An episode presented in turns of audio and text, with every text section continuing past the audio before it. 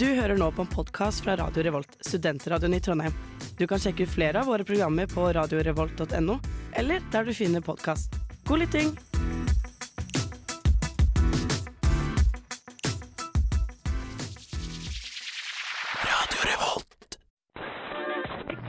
I saw the best minds of my generation destroyed by madness. Det er den drømmen vi bærer på. Fra en annen virkelighet. Kulturuke. Eh, Ja, jeg heter Dag Solstad, og dere hører nå på Bokbaren, og der er altså jeg. Ja, velkommen tilbake til Bokbaren. Det er så kjekt å si det. Det er lenge siden vi har stått her inne i studio. Ja, eh, ja det er altfor lenge siden. Jeg er da Magnus, og som dere hørte her borte, det er Marte. Jeg er her òg. Ingeborg. Og så er vi med oss en gjest i dag. Hei, Og du heter? jeg heter Odin. Du heter Odin. Yes. Det skal vi bli mer kjent med etter hvert i dag. Og vi skal bli bedre kjent med sci-fi-litteraturen, for vi har hentet inn deg, Odin, som en ekspert på norsk, norsk sci-fi, iallfall. I alle fall. Ja, du sier ekspert. Jeg vet ikke hva jeg helt vil være i den Nei, kategoriseringen. OK. men- Ja. Jeg vil, jeg vil kategorisere deg som en ekspert, ok, iallfall. Hyggelig. Eh, og så skal vi snakke om sci-fi, som sagt. Eh, og så har jeg ennå ikke sagt det, men gratulerer med dagen til alle som hører på. Det er jo 1. mai i dag, så egentlig så kunne vi jo snakket om arbeiderlitteratur. Kanskje vi kommer litt innom det etter hvert. Det var sånn jeg ble kjent med deg, Odin. Ja, det var det. Vi undersøkte norsk arbeiderlitteratur, så kanskje vi kommer innom det. Men jeg tenkte jeg skulle bare starte denne sendingen med å lese et dikt av vår kjære Rudolf Nilsen. En av våre største arbeiderlitterære skikkelser, kan vi kalle han det. Døde veldig ung, men skrev et veldig flott dikt som heter 'Arbeidsslutt'. Så vi starter denne Bokbaren-søndagen med å lese det. Sirenen skjelver i et frydeskrik. En arbeidsdag er gått, og hvilen venter. Den store porten svinger opp, og lik en flokk av kalver tumler unge jenter. Med blanke øyer ut i dagens lys. Nå skal de ta seg fri, og det med renter. De skotter til fabrikken med et gys. Den er der snart på tide. Den er der snart på tide pokkeren henter. OK, nå leste jeg litt dårlig, beklager. Jeg fortsetter. For det er vår, ja det er vår i by. Det synes tydelig på gatens bjerker, som står og bruser modige og kry i sine fine, lysegrønne serker. At de er spinkle nå, som man sjelden har vært et ben, det er det ingen av dem selv som merker. For nye safter suser i hver gren, og selv i by gjør våren underverker. Fabrikkens piker, piker har det også sånn at de må bruse litt i vårens kvelder. Se henne der hvor hun er sped og blond, og blå i øynene som blåe bjeller.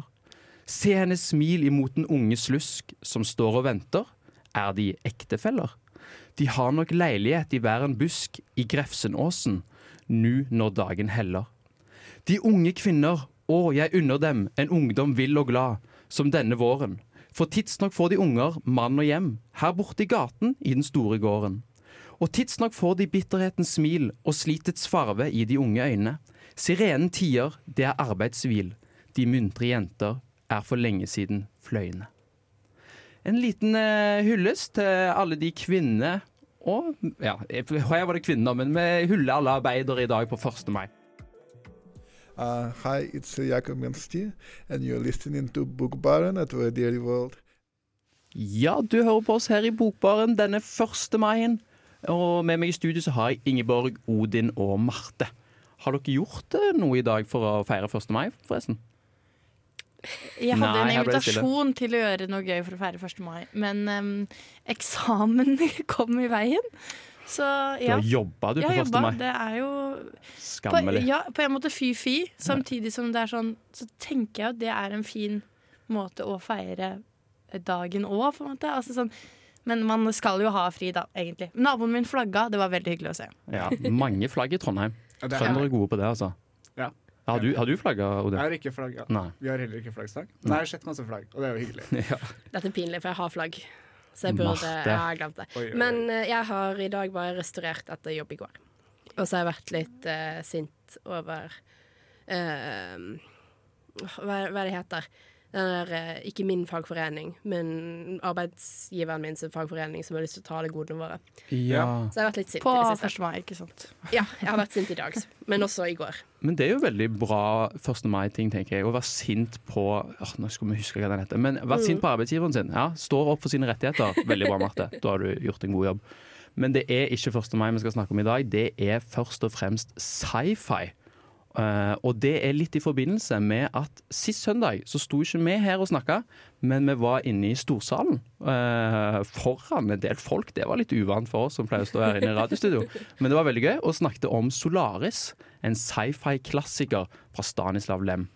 Og den skal vi òg snakke en del om i dag. Det blir liksom en litt sånn oppfølgingssending. Ja. Men vi prøver å trekke litt mer generelle tråder til sci-fi-litteraturen. da.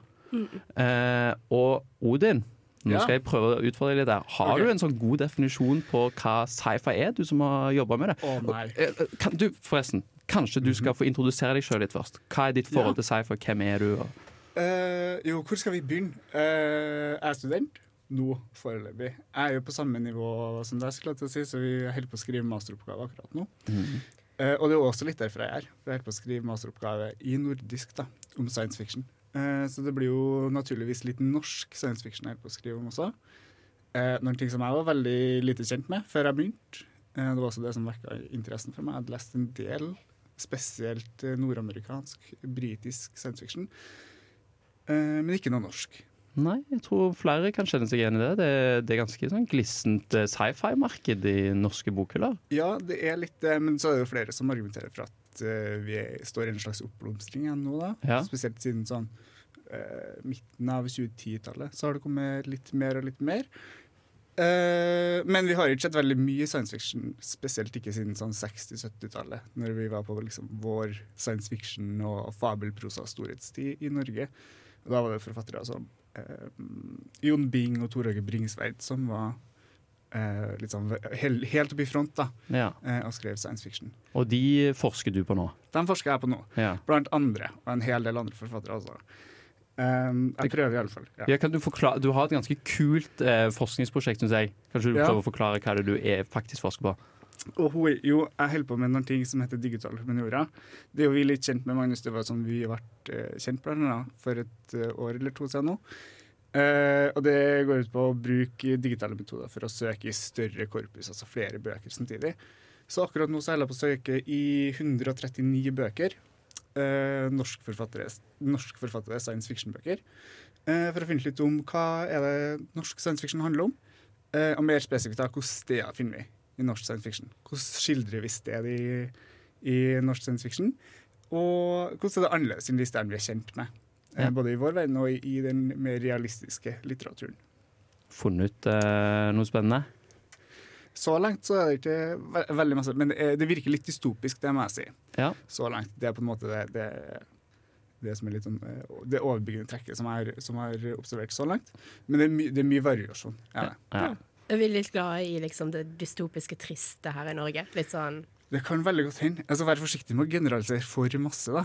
Ja, men Det er jo litt av poenget med oppgaven din òg. Du, du har jo Ja. faktisk et datagrunnlag som du kan komme med ganske ja, belegg for disse generelle, generelle påstandene du kommer med. Da. Ja, jeg vil jo generalisere, generalisere litt. Ja. Eh, men å begynne, å begynne nå, allerede før jeg er ferdig med liksom, hele oppgaven, det syns jeg er litt vanskelig. Men det virker litt sånn, det virker litt sånn, det må jeg si. Litt dystopisk, litt sånn ødelagt natur. Eh, litt nedfallenhet i bjørn. Ja. Ja, for det er det, jeg skulle spørre deg om. For jeg ser for meg at sånn norsk sci-fi-litteratur er litt sånn Det er jo kommet en sånn sjanger som heter cli-fi, som liksom er eh, science fiction, men med på en måte klima eh, som et sånn hovedtema. Og da er det jo ofte veldig sånn dystopiske framtider hvor alt har gått til helvete med jorda, på en måte. Ja. Og så ser jeg for meg at liksom, det er jo en tradisjon blitt i Norge for sånn klimalitteratur. Typ sånn Maja Lunde og eh, romaner som liksom tar fra det. Men jeg lurer på liksom om det har begynt å komme noen sånn ja, eh, science fiction eh, Norsk science fiction-bøker hvor, liksom, hvor klima er et sånt stort tema. Eh, ja, det har det helt sikkert. Men jeg er ikke eh, litt, en del av prosjektet mitt er jeg nærleser jo ikke alle de her 139 bøkene. Det er vanskelig latt seg gjort. Men en av de jeg har nærlest, heter Oslo 2084. og Det er en sånn framtidsroman som er satt i da 2084 i Oslo. Og Den handler jo om at uh, Norge og hele verden for så vidt er, er ødelagt av klimaendringer. Uh, så vannstanden i, i Oslofjorden blant annet steget så mye at hele bydelen har blitt lagt under vann. Eh, man har fått veldig mye flyktningstrømmer fra Nederland og Danmark, blant Mm. annet. Eh, så noen skal klage på at de ikke forstår veldig de danskene går rundt og sier, for de sier bare bæ og bæ. eh, så det er litt sånn, det er en ting som er her. Og den ble skrevet i 2004, så allerede da så var det ting som var på gang. Og eh, nyere science fiction er jeg ganske sikker på at så har liksom et mer sånn fokus på klima, klimaendringer. Ja. Ja, og nå har det er vært, veldig gøy, da. Ja, det er veldig gøy. Og nå har vi jo begynt å bevege oss litt sånn inn i underkategorier av sci-fi, med cli-fi osv. Så, videre. så etter hvert nå så må vi kanskje komme litt tydeligere inn på hva sci-fi faktisk er for noe.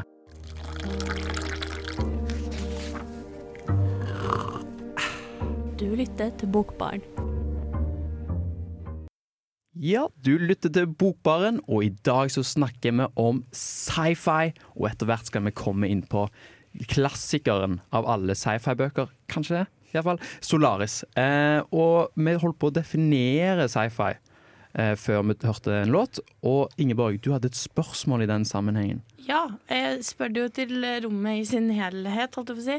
Eh, men vi har jo en ekspert med oss her, da. Eh, så jeg, eh, håper at det hjelper oss til å definere eh, svaret på spørsmålet litt. Grann. Men det jeg lurte på var om det må være et sånn her fantastisk element, eller et eh, ikke mytologisk element kanskje, men bare sånn, ja, et sånn eh, Litt sånn fantasy-aktig element i sci-fi for at det på en måte skal være sci-fi. Fordi man har jo sett masse filmer eh, jeg, har, jeg har sterkere kjennskap til det gjennom filmer enn bøker, da, hvor det bare er på en måte romreise. Og det er jo på en måte ikke fantastisk, det er jo realistisk, fordi vi har muligheten til å reise ut i rommet eh, eh, på ekte.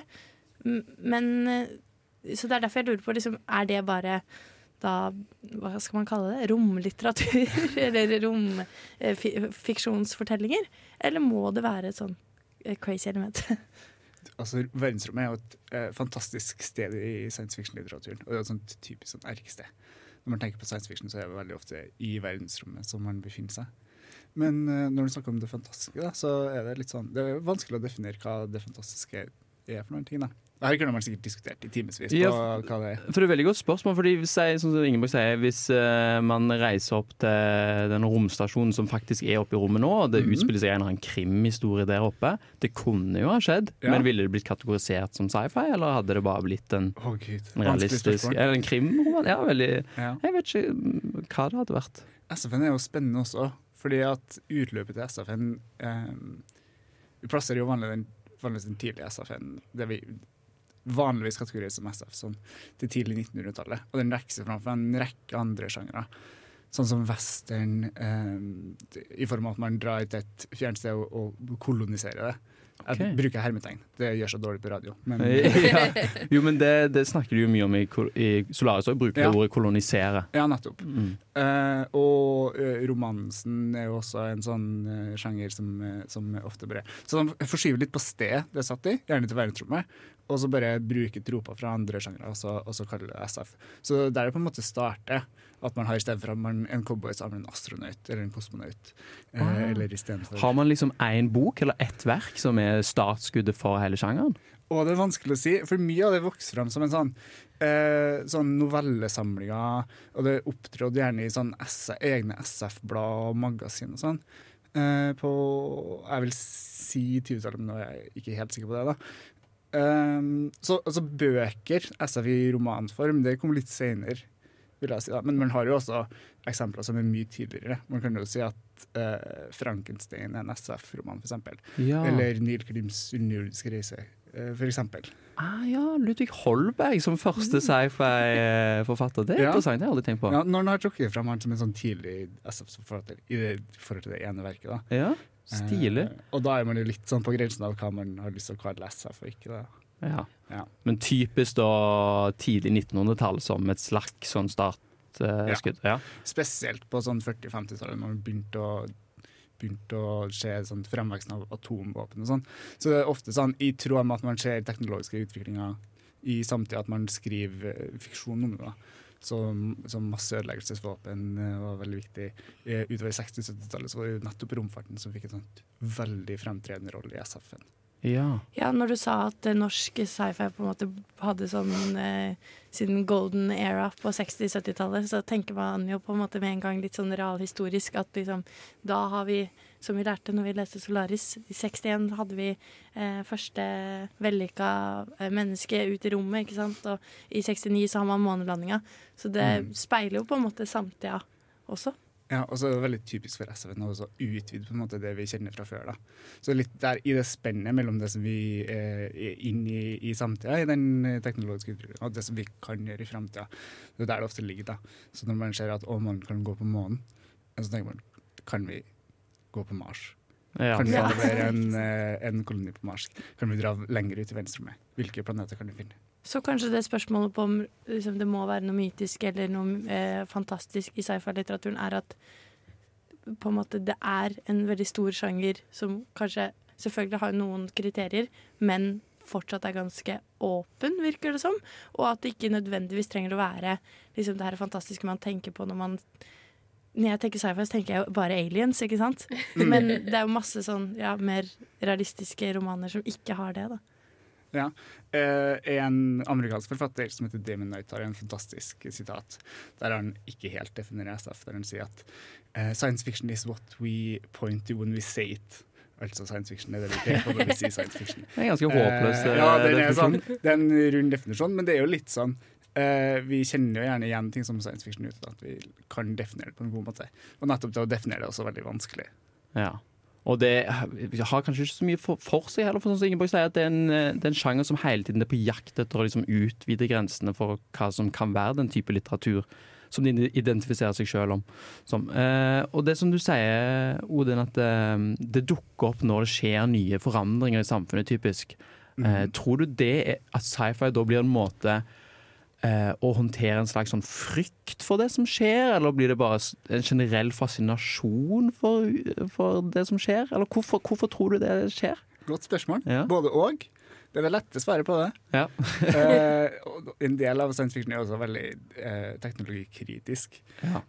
Um, og når jeg sier veldig mange skriver om kolonisering av verdensrommet, så trekker man også frem problemstillinga ved kolonisering av verdensrommet. Som hva tar vi med oss når vi drar til verdensrommet? Utvider vi bare problemene som vi har her på jorda? Og Solaris er jo en sånn, et eksempel på det. For der ser vi jo liksom speil hele veien.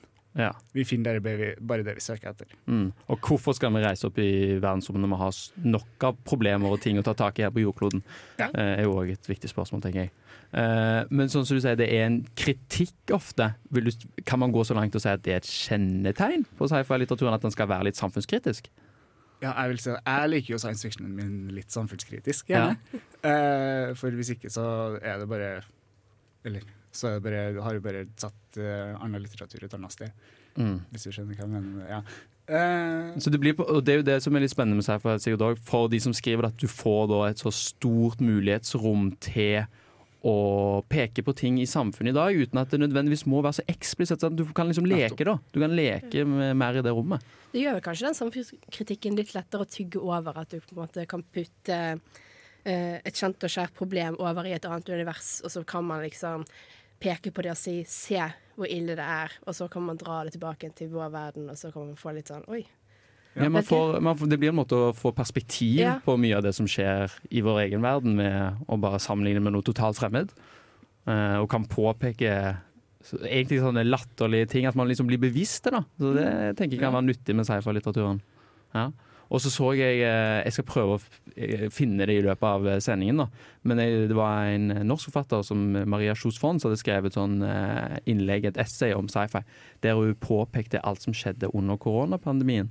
Og det var liksom først når hun gjorde det, at jeg ble bevisst hvor, ja, hvor rart alt som skjer i verden er. Og alt som skjer i verden er jo veldig rart, og sci-fi kan på en måte minne oss om dette. da. At alt er så rart, egentlig. Og det er jo vel også en sånn eh, et element i sci-fi at man kan gå inn i sånne dystopiske framtider hvor f.eks. virus eh, truer en liksom Oi, en em, nasjon eller et eller annet. Mm. Eh, jeg tror det kommer til å komme masse sånn type sci-fi-litteratur Mm. som et svar på på en måte at det, den virkeligheten har man levd kollektivt med da, på et globalt nivå eh, i to år. Mm. Ja. Ja, 100% det kommer til å blomstre. Helt, helt til- Ja, garantert. Hei, det er Kyra Gørvla, Kygo. Nei, bare kødda. Det er Thomas Seltzer. 30 år eldre enn Kygo. eh, Og du hører på Radio Revolt. Ja, og på Radio Revolt der hører du på Bokbarn i dag. Og vi snakker om science fiction. Vi prøver å gjøre en ganske grundig dypdykk ned i hva som kjennetegner denne her mystiske, fascinerende sjangeren. Og vi har vært innom at det er en slags eh, utforskning av noe fantastisk. Kommer vi i hvert fall fram til hva en slags definisjon. Og så har vi jo med oss en ekspert som er, heter Odin, som jeg har lest oppgaven til. Og, og jeg har den oppgaven foran meg der. Og der har jo den en ganske god eh, definisjon, syns jeg. Der skriver du at liksom noe av det som kjennetegner sci-fi, er at det er en sånn materialitet i det fantastiske. Eh, Sammenlignet med fantasy da, så kan liksom det fantastiske være på et sånt abstrakt, arbitrært plan, mens i eh, science fiction så liksom dykker du ned i liksom det konkrete. Ja. Materialiteten i det. Mm. Og det, det er jo veldig spennende. Ja. Og tungt kan det være for Og det kan være veldig tungt for leseren. Ja. Eh, et eksempel på det ser vi jo, ser vi jo nettopp i Solaris, Mm. eh, som vi har lest i dag. Eh, I andre verk så er det ikke like, like vanskelig eller like, like tungt lest. Eh, i, i typisk i de soft SF-verkene som vi nevnte tidligere. Sant. Eh, og at det materielt trengte nødvendigvis være at det, blir, at det er akkurat det som blir utforska veldig mye. Igjen så kan på en måte SF-en bare være et sånt eh, kjøretøy for å ha med seg eh, narrativet videre også. Mm. Eh, så man kan skrive en SF-bok eh, som bare er satt eh, på et romskip, uten at det handler om at eh, her er det romfart Mm. som foregår, på en måte. Ja, det er egentlig ganske sånn realistiske eh, ting som skjer inni dette fantastiske universet. Ja. Ja. Og, og så har vi vært innom hva som er poenget. da. Hvorfor gidder folk å skrive sci-fi? Og da er det dette her samfunnskritiske potensialet som ligger i Mhm. sjangeren. Og der har du en annen ting du skriver i oppgaven din, eh, Odin, som jeg syns var fint. At du refererer til, til Brecht, Bertolt Brecht, uh, som har tatt videre dette her eh, fremmedgjøringsbegrepet til Slotsky. Ja. Som er en som vi som studerer litteratur, jeg føler jeg er sånn fundament. Ja. Og hva, hva er litteraturens funksjon? Jo, det er å fremmedgjøre oss fra våre vante omgivelser. Ja. Og det er på en måte sci-fi-sjangeren liksom tatt den enda lenger. Det skal fremmedgjøre oss fra våre vanlige omgivelser. da. Ja. Det er noe som er veldig, veldig syns det her er veldig viktig. Mm. Hvis det ikke er en sånn fremmedgjørende effekt i verket, så er det noen som sier at det er, ikke science fiction. Det er noen som sier at eh, det er samme med litteratur. Ja, Du kan jo si det samme om Ja. det. At Hvis liksom Ja. litteraturen ikke på en eller annen måte løsriver oss fra vårt vante blikk på verden, så kanskje ikke en, ja. Nei, det var ikke noe vits. Ja. Darko Stubben har videreført det her og, og tatt over i science fiction. Han snakker om kognitiv fremmedgjøring. Så det skal skape denne tankeprosessen om hva det er som foregår her. Eh, og man blir ofte satt overfor situasjoner som man kan lese eh, veldig kjapt igjennom, eh, men som man er nødt til å ha et nytt blikk på. F.eks. at sola forsvinner fra himmelen, kan vi lese om at det går bak et skylag, eller den går ned. Men hvis man leser en science fiction-roman, så må man være veldig vær på at det kan at sola bare blitt bort. Ja, Ikke sant. sant? Så man lese ting på en annen måte når man leser SF. da. Mm. Det er jo litt interessant, for oi, vi snakket jo om dette havet til Solaris, så det, jeg trodde du må spurte Der, ja. Eh, hvordan vi ser for oss at eh, havet ser ut, og dere begynte å snakke om at det var litt sånn geléaktig konsistens på det, eller noe sånt. Mens jeg er jo ikke tydeligvis så god på å legge det fra meg, så jeg er sånn Jeg tror for meg et hav. Ja. Blått hav. Men han har jo sånn eh, Grunnen til at jeg sier gelé, er at han har gjort en stor innsats for å, å fremmedgjøre. At det skal være Ja. en kognitiv fremmedgjøring. For det er et hav på en måte, men det er ikke et hav samtidig. Så Ja. man får denne her dissonansen med hva man forventer. Og, ja. Og Lem gjør det veldig tydelig også. Mm. Hvis jeg kan kalle det et hav. Det er et osean. Ja, det er et osean, ja. Mm. Um, og så er det bare eh, Veldig ofte så fremstilles det som svart eller veldig mørkt. Mm. Men så er det også to soler som uh, Solaris går i bane rundt, altså planeten. Og det gjør også at fargebildet på havet endrer seg veldig ofte. Så man, I ett øyeblikk så er liksom skummet det gult og brunt skum. I det neste så er det helt beksvart med litt sånn rødskjær, for det er den røde sola. Så. Sant. Og nå hører vi vi er ivrige etter egentlig snakke om Solaris. Det er en bok som har fascinert oss, og vi vil liksom dra samtalen inn der hele tiden. Og vi skal snakke mye om den. Men jeg tenkte bare først, eh, nå som vi har gått gjennom litt begrepet, har vi noen sånn kjente, klassiske sci-fi-verk som vi kan diskutere? Jeg ser du har med deg noen bøker her. eh, Utenom Odin. Solaris, da. Utenom Solaris. Solaris. Mm. Ja, jeg har, med et par, jeg har med et par bøker som jeg liker godt, i hvert fall. Mm. Eh, en er med Dis The Dispossessed, som er Ursula K. Le Guin som har forfatta. Eh, det er en helt fantastisk bok. Den handler om at det er en, eh, en mann som har funnet opp en uh, ny type motor eh, som er revolusjonerende. Så han må dra fra sin hjemplanet, som er en sånn eh, anarkistisk planet, eh, til naboplaneten for å legge fram det her det her tegnet på denne motoren. Og igjen så er det sånn samfunnsmøte, som er nettopp det som er veldig viktig. Det er to veldig vidt forskjellige samfunn. Det ene er satt på Jeg husker ikke hva planeten heter, men det er Urras og Anarres eller noe sånt. Um, og den ene planeten er litt sånn um, Her er det uh, den høye standen som er fra. Og så kommer han fra sin egen planet, som er en sånn anarkist der alle sånn er litt fattige. Eh, planeten er ikke veldig, er ikke veldig levbar. Man strever veldig med, med eh, å leve der i hele tatt. Um, og så beveger boka seg mellom, fra kapittel til kapittel mellom de her planetene. Okay. Og så skiller veldig Kult. tydelig det her forskjellen. da. Så det er en kjempe, kjempebra en. Og det var Ursula K.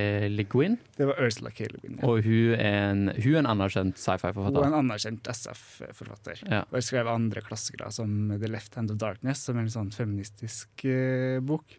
Som handler veldig mye om eh, kjønn, kjønnsuttrykk, seksualitet. eh, og som er satt i samme universet, for så vidt, som The Dispossessed. er et sånt eh, univers som flere av bøkene er satt i. Okay. Eh, som heter Heinisch-syklusen, tror jeg. Ja. Mhm. Høres ut som noe som er perfekt for Helle. Ja, faktisk. Anbefaler neste gang. Ja. Mhm, ja, virkelig. Mm. Og så har du med deg en eh, litt tjukkere bok der òg. Ja. Skal vi se. Den er det kanskje mange som har eh, hørt om, da. Eller Ja. i hvert fall den du har på toppen der. På toppen her så har jeg eh, Frank Herbert sin Dune. Ja. Eh, den er jo litt eh, relevant nå også. Det kom nettopp ut en ny film som, eh, der halve boka er filmatisert. Uh, Dune er en spesiell bok, for den er litt sånn uh, Den tar for seg en veldig kjent trope, som er den her uh, hvite heltefiguren som kommer inn og skal redde et eh, Yes! Sukket selv. Ja. Så kommer han og redder sånt urfolk som bor på planeten, som bare kalles Dune ofte. Ja, og han er vel litt sånn Messias. Han er en. Messias-figur, absolutt. Ja. Mm. Eh, og så handler det om at eh, gjennom hele boka så får han syner om at det her kommer til å gå skikkelig dårlig. Ja. Ja. Mm. Eh, og I tillegg så er det en del sånn økologiske lesninger som man kan foreta seg i den boka. da. Okay. Men jeg, er det For nå har du en veldig tjukk bok med deg her i studio, Ja. men jeg har hørt at er ikke Dune sånn 13 bøker? Eller? Det er 13 bøker, Ja. men de fleste leser bare den første. Okay. Eh, for det blir veldig fort rart etter den første. Aha. Eh, det er ganske en rart sånn- den første òg, da? er Det, det er ganske rart den første òg. Ja. Men etter det så, så spinner det vilt eh, for både Herbert og sønnene som har skrevet fortsettelsen på noen av de bøkene her. Oi, det er sønnene som har fortsatt? Ja. Familiebedrift å Ja, skrive litt Dune? det. Det blir Ja. litt det. Eh, så man får et univers som blir stadig mer vilt. Eh, og er karakterer som går igjen, som kloner av seg selv. Eh, og det er en sånn stor orm, sånn ørkenorm, som er veldig typisk for denne boka. Som får et menneskelig ansikt, og er som en sånn gudekeiser eh, på denne planeten, blant annet. Oi. Kanskje det er et lite kriterium for å skrive sci-fi. Du må være litt gæren sjøl også. Ja, ja, absolutt. Det tror jeg. 100 Ja. Og så den siste boka jeg har med, og så sier jeg at alle de her har jeg eh, lest gjennom et eh, emne som vi har hatt på NTNU, som går på engelsk, eh, som Julie Coven som har hatt fram, eh, som handler om science fiction som er skrevet på eh, vestkysten av eh, USA og Canada. Oh, ja. Den siste her er da Red Mars, som er den første boka i en triologi, skrevet av Kim Stanley Robinson. Eh, og den handler om den første eh, romsonden med kolon, kolonister fra, fra jorda, som skal begynne å terraforme Mars. Fordi at ting på jorda går ikke så bra. Ok. Ja, så eh, Det er jo litt som vi snakket tidligere om The Martian. Er det litt det samme? det? Er ikke det på Mars der òg? Jo, der er også The Mars. Jeg vil si begge er faller litt sånn innenfor det vi kan kalle hard sci-fi. Mm. Den her er litt mykere. The Martian er veldig, veldig liksom fast i virkeligheten. Den her handler tross alt om at eh, det er mulig å terraforme Mars. Eh, og den handler også veldig mye om sånn, et sånt samfunns... Eh, et eh, samfunnsperspektiv på det her. da. Eh, hvordan ser det ut når vi koloniserer Mars? Mm. Hvordan ser det ut når eh, de kjente verdensstrukturene blir overført på Mars? Ja. Og noen har veldig lyst til at vi skal ta for oss noe helt nytt. Eh, og andre mener at nei. Vi er veldig glad i hvordan ting på, var på jorda. Da kan jo se for dere hvilke personer som Ja. ønsker hvilket perspektiv her. Da. Um, så igjen, jeg har lest bare den første. Men jeg vet at de, de andre to er ganske gode også. Ok, Alle bøkene her anbefales. Og da har vi nevnt Dune og Red Mars og Ursula K. Le Guin. Er det noen andre sånn veldig kjente, store sci-fi-bøker vi kan komme litt innom? Ja? Jeg kom plutselig på mens vi sto her, og så fikk jeg sånn eh, lynnedslag når du sa den derre heltetropen med den hvite mannen som Mhm. kommer inn og redder. Så kom jeg på at eh, jeg har jo lest eh, sci-fi, jeg, for jeg har lest Supermann-tegneserien. Og Ja. det må jo virkelig kategoriseres som sci-fi, og særlig med den tropen. For Supermann er jo fra en kjemperar planet oppe i rommet, og liksom det er jeg føler sånn, I forhold til mange andre superhelter så er på en måte, hans eksistens veldig knytta til noe sånn eh, vitenskapelig som han har lyst til å forstå. Det her kryptonittet, ikke sant. Mm. Og alt sånt. Og han er jo Altså, han er jo en superhelt, så Ja. han er jo virkelig Ja. en som kommer for å liksom eh, redde alle som Det er litt interessant. Er generelt superhelter Er det en del av sci-fi, hele liksom Marvel-universet? Jeg skulle akkurat så si det. For det er et veldig godt perspektiv. at Den mest kjente SF-en som folk eh, tar inn i dag, er jo nettopp gjennom de her eh, storfilmene gjennom Marvel-universet, og også de her DC-filmene med Supermann og sånn.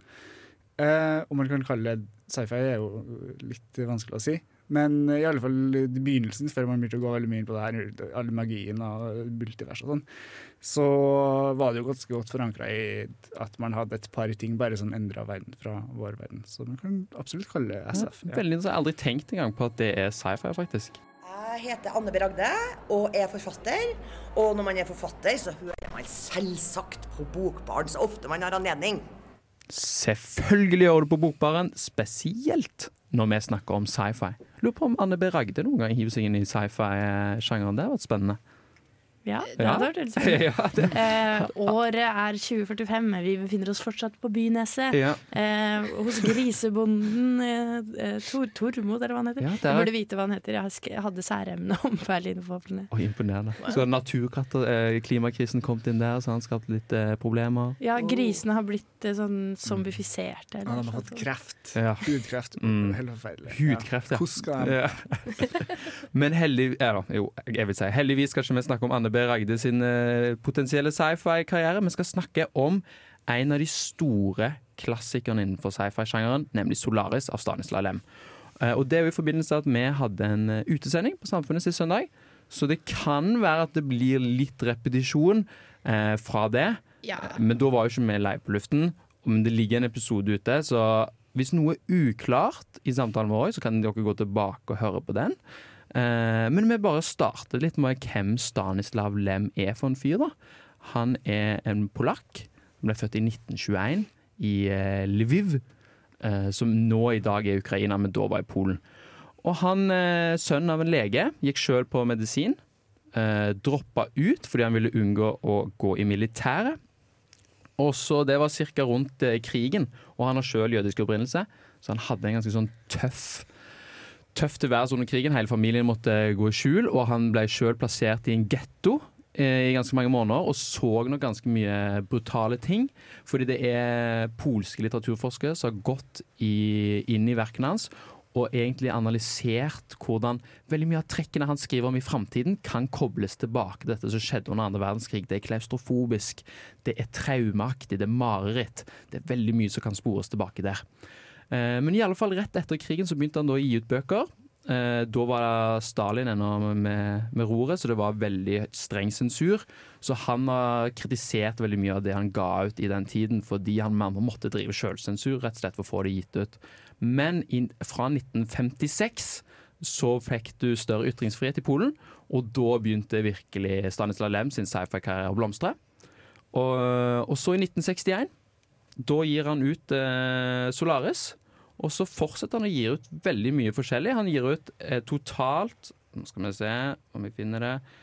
18 romaner, 14 novellesamlinger og så 14 sånn sakprosaaktige bøker. For han er jo han er en slags filosof. Uh, jeg tror det fins noen sånn filosofiske studier der man leser Stanislav Lem.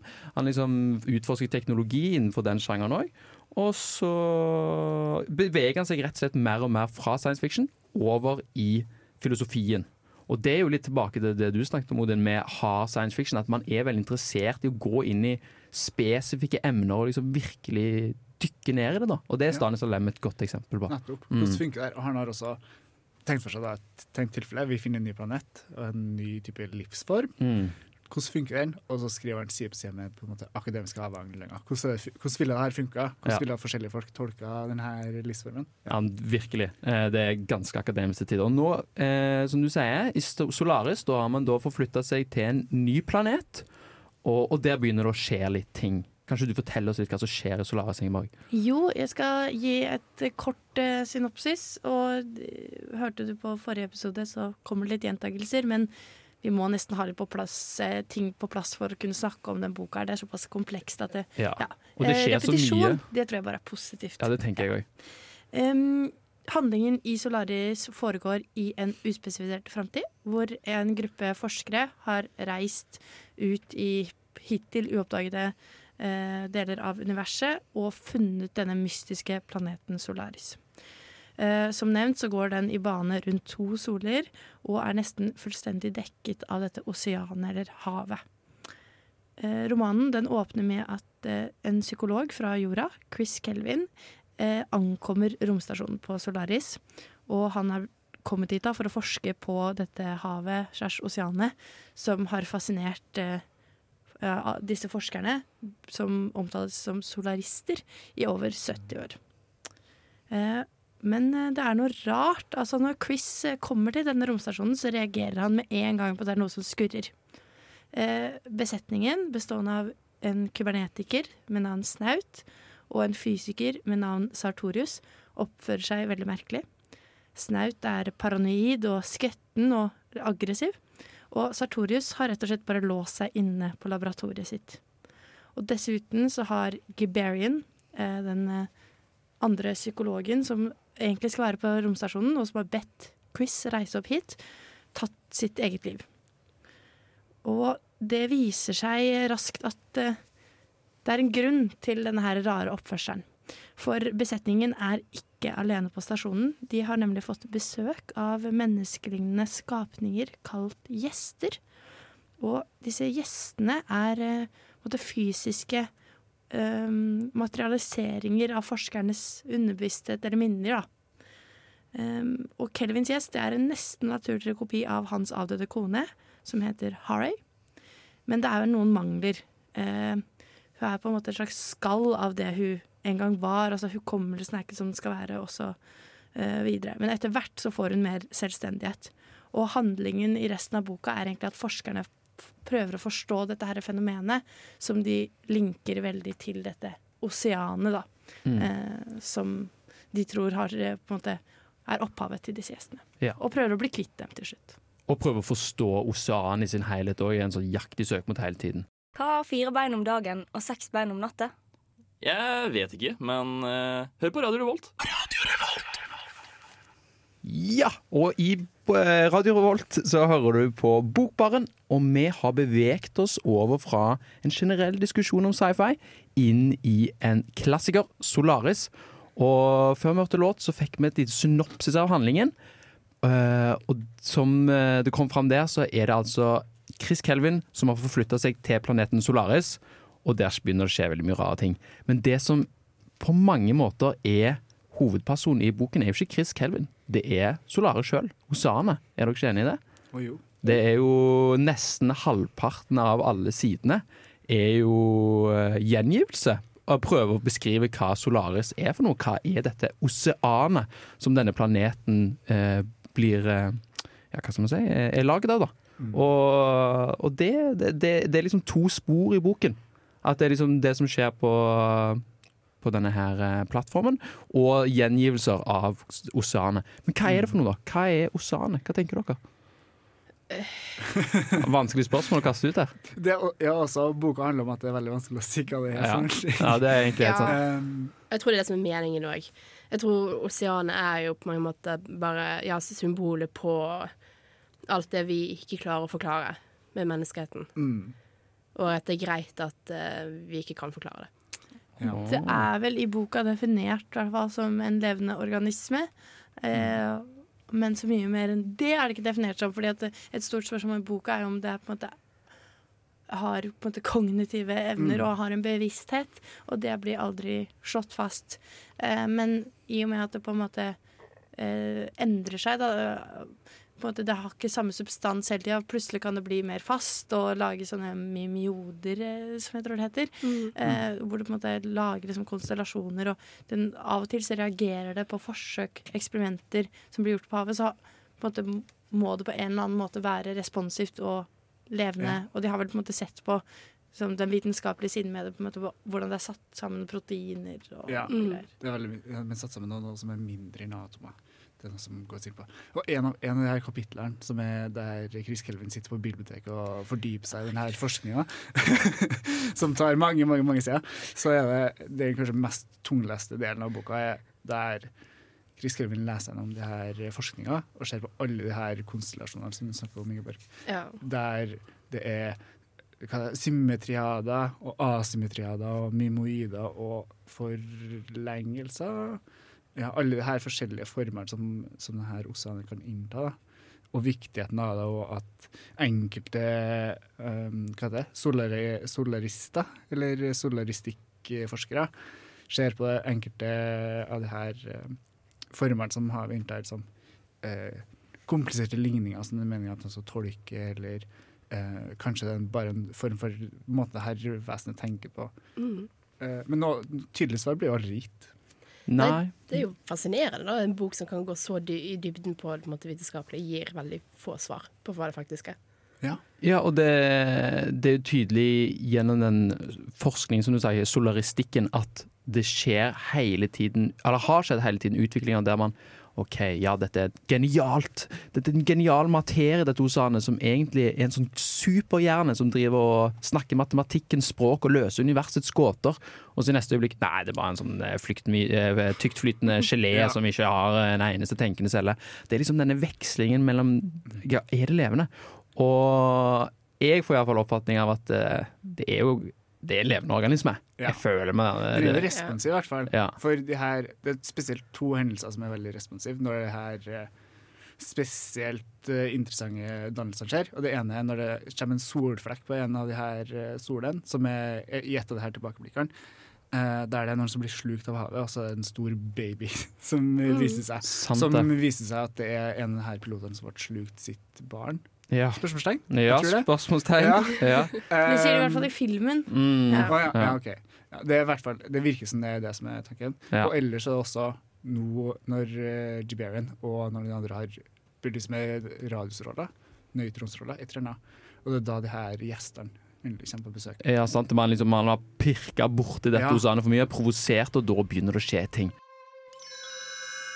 Bla om til neste side når du hører denne lyden. Eller skru på radioen din og sett på Bokbarn, da. God lytt. Ja, og i bokbarn nå så snakker vi om Solaris, og plukker opp tråden litt fra sist søndag. Eh, og vi snakker om oseanet, og hvor rart dette oseanet er. Hvor merkelig det er. Eh, det er nesten eh, det, det, er veldig tydelig at Stanis Alem prøver å gjøre oseanet utydelig for oss. Det, vi skal ikke forstå hvordan dette ser ut. Og, og bare for å illustrere det, skal jeg lese en, eh, en liten passasje der han prøver å beskrive et fenomen som dukker opp i havet. Det er en sånn mimoide. Jeg vet ikke hvordan vi skal forklare det i seg sjøl, men det er liksom en slags sånn landdannelse. Eh, Den hermer. Det ligger jo, det ligger jo litt i ordet. ja. Den hermer etter noe. ja. Men det blir skapt en eller annen slags formasjon, en slags sånn eh, fast, fast form i dette oseanet. da. Og da skriver han Sett ovenifra minner mimoiden om en by, noe som riktignok er en illusjon. Beklager, det var litt- egentlig litt dårlig eksempel valgt av meg, fordi nå skriver han jo, her skriver han 'minne om en by', men generelt så prøver han hele tiden å frakoble beskrivelsene vår eh, tilværelse her på jorden. Mm. Ja, jeg ble først eh, ble, egentlig bevisst at han, jeg ble bevisst at han gjorde det nå. Kanskje akkurat der så er det vel det at oseanet eh, av og til repli repliserer Ja. Um, eh, mimoerer. Eh, mimer etter ting som kommer fra eh, forskernes Ja. minner. Og det, det blir jo flere steder beskrevet, beskrevet at man ser sånne byformasjoner i, i havet. Ja, okay, det, Så kanskje det er derfor. ja, det, det er sant. Ja, okay. Men poenget er i alle fall at han prøver å løsrive beskrivelsene fra vår tilværelse her på jorden. Så det fortsetter da. Noe som riktignok er en illusjon. Frembrakt av forsøket på å finne en analogi blant det som er kjent for oss. På en skyfri dag blir alle de flere etasjer høye utvekstene og deres palisader omgitt av et varmt luftlag som skaper et inntrykk av at de ulike, ubestemmelige formene gynger og bøyer av. Den første skyen som viser seg på den blå hvelvingen Jeg sier blå, parentes, jeg sier blå av gammel vane, men blåfargen er en oransje på en rød dag og skjærende hvit på en blå dag. Vekker en umiddelbar reaksjon. En voldsom knopping setter i gang. Den tøyelige, svulmende, blomkålaktige kåpen, som er delvis atskilt fra underlaget, fyker opp i luften, og etter et par minutter blekner den og inntar formen til en kum kumulussky. Dette gigantiske objektet kaster en rødlett skygge. Mumoidetoppene synes å sende skyen seg imellom. Bevegelsen er alltid motsatt bevegelsen til den virkelige skyen. Og så fortsetter det, og så fortsetter det, og så fortsetter det. Det er liksom, eh, det er veldig, Når man sitter og leser, så blir man bare sånn Hva er det som foregår her? Hva er det han beskriver? Jeg, jeg vet ikke om dere kjenner dere igjen i den følelsen Jo, der? absolutt. Ja. I beskrivelsen av det her eh, symmetriaderen spesielt Symmetriaderen, ja. Ja, jeg aner ikke hva som på en måte foregår. Det er et eller annet en kuppel Jeg sier vann, er også som veldig lett å, å trekke til våre, våre egne hav.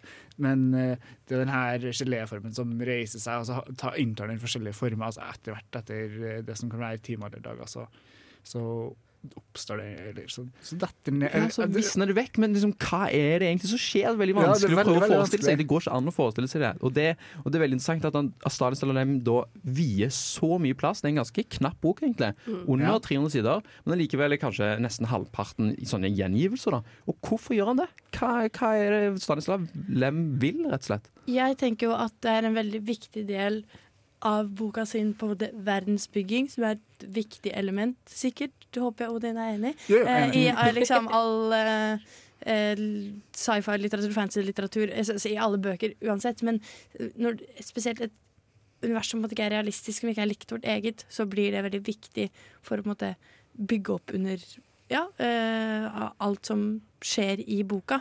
Eh, så jeg tror det på en måte det er jo hva skal jeg si mm, grunnen til at det finnes der. Ja, det kan man Men si. hva han mener med Oceano, hva han mener med de her lange beskrivelsene, det er Ja, er ikke like jo, nei, men hva tror du, Ja, OK, hva jeg tror. Jeg ser det jo som en på en måte at han fører en slags kritikk mot menneskets trang til å forstå, eie og utforske. Um, og på en måte litt sånn uh, kolonialistisk kritikk, eh, hvis man skal trekke det til noe sånn realhistorisk. Um, Og det gjør jo Lem i boken òg, faktisk. Ja. ja eksplisitt. Eh, men, eh, så det er det jeg liksom ser hele boka som, men spesielt da hva eh, oseanet representerer. Det er den herre Alt i universet som vi ikke forstår, da, eh, helheten av universet, eller om det er eh, religion, eh, så har vi en trang til å komprimere det, forstå det og kontrollere det. Og det skal vi ikke klare. Og det er det eleven prøver å si, da. Mm. Ja, jeg er egentlig helt enig med hva du sier. Jeg tror det bare Jeg er helt enig. det er Veldig, veldig bra poeng. Ja, jeg tror det bare er en måte å forklare dette, denne, dette universet her som er veldig forvirrende, på en veldig forvirrende måte, for man skal ikke klare å forstå det. Jeg tror sånn jeg ser for meg disse her eh, nimiodene og alt det, det blir ikke en ordentlig beskrivelse av hva som egentlig foregår. Og jeg tror ikke det er meningen at vi skal heller klare å se det for oss. Nei, og forsøket på å gjøre det er kritikkverdig i seg sjøl, fordi det reduserer egentlig kompleksiteten til dette hos Arne, eller det vi prøver å beskrive. da. Ja. Men samtidig da, så er det veldig vanskelig å lese metaforer når ting som er helt uforståelig. Ja. Sånn som i de her beskrivelsene, det her eh, symmetriaderen og memoideren. Det er veldig vanskelig å forstå hva, hva det, hvordan formene de er mynt der, og dermed Mm. er det veldig vanskelig å si å ja, vi kan lese det her som. Ja. Mm. Det, det, det, det er jeg helt med på. Men sånn, sånn konseptuelt plant, hva, hva er det liksom oseanet som konsept eh, det, Da tror jeg det ligger en kritikk. Ja. Er, du, er du ikke enig i det? Det er, jo. Det, jeg er helt enig eh, med Ingeborg, for så vidt. Ja. Det er jo det amenneskelige. Så, og jeg tror, hva mener det? det er en av karakterene, jeg tror det er Snaut, eh, som har en veldig fin tale en, en eller annen plass i boka her. Som handler om at når vi som mennesker drar ut i verdensrommet, så er vi bare på leting etter speil. Mm. Eh, vi er bare ute etter å tolke ting ut ifra det vi forstår selv, eh, og ut ifra eh, vår kultur og våre perspektiv. Eh, vi er ikke interessert i å finne noe som oseanet som er helt uforståelig for oss, og som funker på en måte som er eh, uforståelig. I alle fall foreløpig Mm. for, for mennesket. For vi er, vi er bare ute etter kontakt. Ja. Og det, blir, det er noe som kjenner flere ganger, at de er ute etter å oppnå kontakt. Og selv ikke med, i møte med denne gjesteren, som er en slags eh, skapelse av oseanet, så får man ikke til liksom Selv om de inntar menneskelig form eh, og kan kommunisere, så har de heller ikke noe måte som røper noe om hva oseanet er. Nei. Og så er det den der eh, manglende viljen til å anerkjenne at vi ikke kan få kontakt. At Ja, vi ikke kan nettopp. forstå det. Vi, vi, vi, vi liksom nekter å tro det. Vi, er så, vi ser ikke lenger vår egen nedstup, da. Ja, og så har det også blitt gjort eh, eh, helt sånn spesifikke lesninger av folk om liksom ha- har, Hva har han prøvd å si her? Som selvfølgelig tar opp det vi har snakka om nå. Men også sånn helt spesifikt på en måte en sånn kritikk av Sovjetunionen eh, og det her kappløpet, på en måte. Ikke spesifikt kanskje kappløpet, men hele liksom den herre Vi må komme oss ut i rommet. Og det er jo egentlig helt sprøtt å tenke på at man har på en måte sånn kappløp for å være den første Mm. i verdensrommet. Men jeg leste i hvert fall et sted at da har vi på en måte representerer Sovjetunionen, eller Oseania representerer Sovjetunionen. Ja, det er jo kanskje litt interessant. For at etter romkappløpet og man, man kom seg til månen, så har det ikke skjedd så veldig mye siden der. Vi har jo ikke vi, Mennesker har ikke kommet seg til Mars. Vi har ikke vært så veldig mye på månen siden.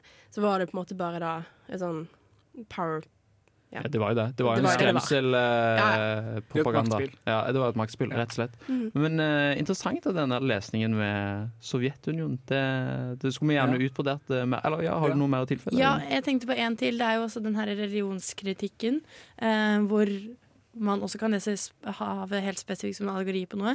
Og da har det blitt lest som en allegori på Gud. Eh, og på en måte i en større forstand da, så er det på en måte kritikken av eh, at mennesket har som behov for å eh, for det første forstå religionen og komprimere det, som på en måte er hele det overordna målet med religionen. At det på en måte ikke skal forstås, at det skal være på en måte altomfattende og ubegripelig. Eh, men også det at vi har et behov for å liksom, skape bilder på ting. Og som du sier, Odin, eh, Mm. lete etter sånne speil da, i termer som vi kan forstå det i. Som er grunnen til at Gud blir framstilt av Raffaello Michelangelo og eh, da Vinci og alle de her som en hvit, gammel mann som peker på deg. Og på en måte, det er det de prøver å gjøre med det havet òg, da. De liksom akkurat hvordan skal det se ut? De, og når de blir veldig glad for at havet gjør ting, er det jo fordi det etterligner ting som de vet hvordan ser ut. Mm. Etterligner denne babyen eller disse byene. Ja, sant. Og nå har du vært innom religion. Jeg, når jeg leste det, så så jeg det minst like mye som med natur. Eh, vårt eh, enorme behov for å prøve å kategorisere naturen og ord, eh, sette ord på alt i naturen, når det egentlig bare er et sånn Uh, uoverskuelig nettverk av komplekse Ja. sammensetninger som vi ikke klarer å forstå, men vi prøver så desperat å forstå. Ja. Ja, og gjerne i, i former som er menneskelignende også. Ja. Vi ser jo ofte på dyr som Eller i hvor stor grad er det lignet på mennesker. Det har noe å si for hvilke dyr vi syns det er greit å spise, eh, og hvordan vi ser på kjønn i dyr. Mm. Eh, vi kategoriserer alt på en måte ut fra mennesket først. Ja, Eller vi i alle fall har vært veldig gode på å gjøre det. ja, vi er så sjølsentrerte. Det Det er det, det Statsråden selvsentrert. vil ta et oppgjør med, Ja. rett og slett. Nå skal vi høre med en mann som står veldig langt unna mikrofonen, hva han syns om Radio Revolt.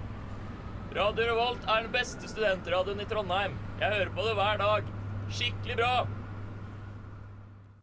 spesielt Bokbaren, tror jeg han refererte til der. Han mannen som sto veldig langt under mikrofonen. Og, og vi snakker om Solaris her i dag, og nå har vi snakka mye om Osane. Og vi skal egentlig fortsette å snakke om det, men en spesifikk form av Osane er jo disse gjestene Ja, som er- dukker opp. Ja, er det egentlig det? Ja, de er jo skapt av De det. Ja, Ja. det, det, det er de. Men eh, hva Osane vil, ja, hva vil med de, det er et helt annet spørsmål. Uh, og det er veldig interessant, for vi var jo innom samfunnskritikken til Stanislav Lem i denne boken. Og det som er spennende, er at han skrev den i 61. Men det gjestene gjør, det ligger jo òg et enormt sånn eh, relevant og samfunnskritisk poeng. Som er blitt så mye mer relevant nå i 2022 enn for 60 år siden han skrev. Fordi det er jo så kobla til AI. Sant? Dette, disse gjestene de er menneskelige, men de er ikke helt menneskelige. Så hvordan skal vi da forholde oss til det? Og Ja. det er jo så relevant å, å knytte inn i denne diskusjonen. Vi har vært litt inne på det mellom eh, låter eh, her når vi har snakka sammen nå. Blant annet så snakka vi om den serien Westworld, hvor eh, de på en måte lager roboter som er så menneskelignende at det, man klarer nesten ikke skille det fra mennesket lenger. Og det er på en måte litt den kritikken jeg føler Lem kanskje kommer med, selv om han var jo eh, fremtidsframskuende i sin oppfatning av eh, hvor langt vi kommer til å komme med det her. Da. Men jeg føler ofte i sånne sci-fi-romaner så er det jo sånn Hva skjer når vi ikke lenger kan kontrollere disse her Mm. eh, menneskeskapte, menneskelignende skapningene, og de på en måte overtar kontrollen eller får en slags Ja. bevissthet. Mm. Og det er akkurat det som skjer i Solaris, for disse gjestene blir mer og mer uavhengige og mer og mer selvbevisste og på en Ja. måte like mennesker. Ja. Ja. Men det som er interessant, er at jeg føler de aldri blir satt i et sånt antagonistisk lys. Nei. Altså, først så tenkte jeg litt sånn, for at uh, en av de få sci-fi-bøkene jeg har lest, er 'Dala' av Johan Hafstad. Og da, jo, da møter vi også noen eh, dobbeltgjengere, men de har et måte, klart mål om å ta over verden, så det, det er en annen sak. Men de, de gjør aldri noe vondt. Og så har du på en måte da eh, disse to andre forskerne som er på romstasjonen, som er veldig negative til det. Men det kan jo ha med på en måte med deres forhold til sine dobbeltgjengere, da. Men ja, eh, på en måte, hvem er de? Ja, jeg lurer litt på hvordan dere leste her, for jeg leste liksom at de er litt uh, så speiler de litt uh, den de er gjest for, altså de opprinnelige. Så uh, Harry spiller litt, uh, litt Chris. Uh, sånn emosjonelt og hvordan på en måte eh, hvordan roen vil seg. Og når, med en gang han på en måte er mer stressa, så er det også mer usikkerhet der. Og det her føler jeg også forsvinner etter hvert, da, når uh, Harry blir mer og mer uavhengig fra Chris uh, og kan bevege seg lenger unna. Mm. For er det også, de kan ikke bevege seg veldig langt unna fra Nei, de er låst fast, rett og slett. Det var en veldig interessant tanke. Jeg hadde ikke tenkt på den speilinga før. Vi snakka litt om på sending, den livesendinga hva vi trodde de representerte, eller hvorfor de kommer. Og da snakka vi om at vi kanskje tror det Vi vet jo ikke helt hvem de andre gjestene utenom Harry er, da, men at det er en eh, på en måte er veldig knytta til samvittigheten til hovedkarakterene. Og Kelvin har jo ganske dårlig samvittighet, eller mye uoppklarte følelser knytta til Harry. Ja, At det blir en sånn som skal forsones, eller at det kommer fra at karakteren konstant går og tenker på de greiene her. Da, dårlig samvittighet for. Og bare for å ta den over eh, en tråd der til filmatiseringen, for hvem er de to andre gjestene til Sartorius og mm, Snaut? Det blir jo aldri oppklart i boken, men i filmen der har de tatt et veldig interessant valg på hvem som er gjesten til jeg tror det er Sartorius. For det er en eh, kortvokst eh, mann som Ja. springer ut av det der laboratoriet. Og vi møter han kun i sånn to sekunder. Kun, kun- kun to sekunder, Det blir aldri nevnt eller snakket noe mer ja. om, men det er liksom bare sånn, det var han. Men det er ikke tydelig av boken, syns jeg. Det skal jo sies at I boka så antydes det at det er et lite menneske, og vi tenker jo med en gang da et barn. Eh, fordi det er veldig sånn altså, Jeg forstår ikke motivasjonen bak å ha en kor kortvokst, på en måte. Eller hva um, Det, det, det, det bare føles veldig merkelig når det skjer i den filmen. ja, det er kjempemerkelig, for i boka så antydes det at det er et barn. Ja. Det er, man hører sånn små barneskritt og barnelatter og sånn. Uh, men det, hvorfor er det den uh, kortvokste Ja, jeg, ble, jeg, jeg, jeg satt som et sånn spørsmålstegn da, og det ble liksom aldri oppklart heller. Det ble aldri fulgt opp. Det jeg tenkte på, er jo at han er jo litt sånn gal forskertype.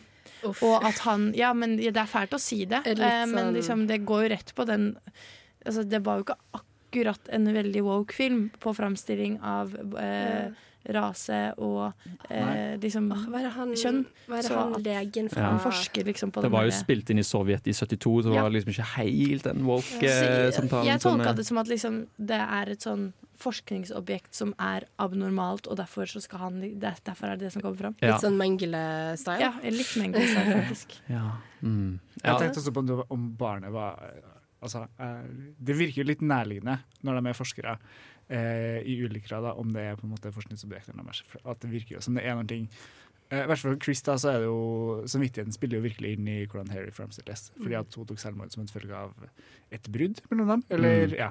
Eh, og han skylder litt på seg sjøl. Han har veldig dårlig samvittighet for det. Ja. Så det virker jo som det skal et veldig sånt et traume til, eller en veldig sånn en, ja. skyldbevissthet til. Så da kan det jo fort være Eller jeg skjønner veldig godt den lesninga som du gjør. det. Og Sartorius fremstår jo som en type som kunne holdt på med Ja. litt sånn greier. Han virker ganske kynisk og Ja, eh, ikke store moralske kvaler som foregår der. Snaut sin gjest i filmen blir ikke like eksplisitt eh, vist fram, men han ble også vist fram. Jeg syns det så ut som en ganske ung gutt. Mm. Og så da tenkte jeg på en eh, litt sånn eh, at eh, Han har ikke levd en skjult uh, Altså litt den her preste presterunge Ja. gutter-tropen. tenkte du det? Jeg tenkte bare han hadde liksom uh, vært en dårlig far. Jeg har ikke levd opp til ungen sin. Sant? At han er en er veldig engasjert solaristikkforsker, så han har bare neglisjert ungen sin totalt. En skam over det. Ja, det, Jeg forskjellige tolkninger. er mye Men tolkningsrom her. Vi snakka jo også tidligere om at vi trodde at gjestene kunne være et slags utløp for fetisjer. eh, noe som kom fram i etterordet til boka. Fordi eh, Guy Berrien sin Det var veldig vanskelig å forstå hva, helt, hva den som har skrevet etterordet, mente med det. Men han ha, hadde en svart kvinne Ja. på besøk. Ja. Og derfor, så, kanskje var det derfor jeg gikk til, litt til den derre skjulte homoerotiske på en måte fetisjen, Mm. og en yngre eh, gutt som på en måte er grenseoverskridende. Eller, ja. Mm. Ja. Men det var også et interessant valg. Den svarte kvinnen hadde blitt hvit i filmen. Ja. Ja. Tror dere at det har noe liksom litt Har, har en progressiv tanke, eller er det mer bare de fant de Jeg, jeg tror det var pragmatisk der at det det var mangel. Jeg tror det, men jeg er ikke sikker. Ja, sovjetprodusert film. Altså Ja. sånn Ja. ja. Jeg tror også Det må også sies at denne mørkhudede kvinna er veldig, veldig stereotyp i framstillinga i boka. I Mm. hvert fall i den norske Mm. oversettelsen som jeg har lest. Mm. Uh, så det kan jo hende at det ligger noen ting i den fetisjiseringa.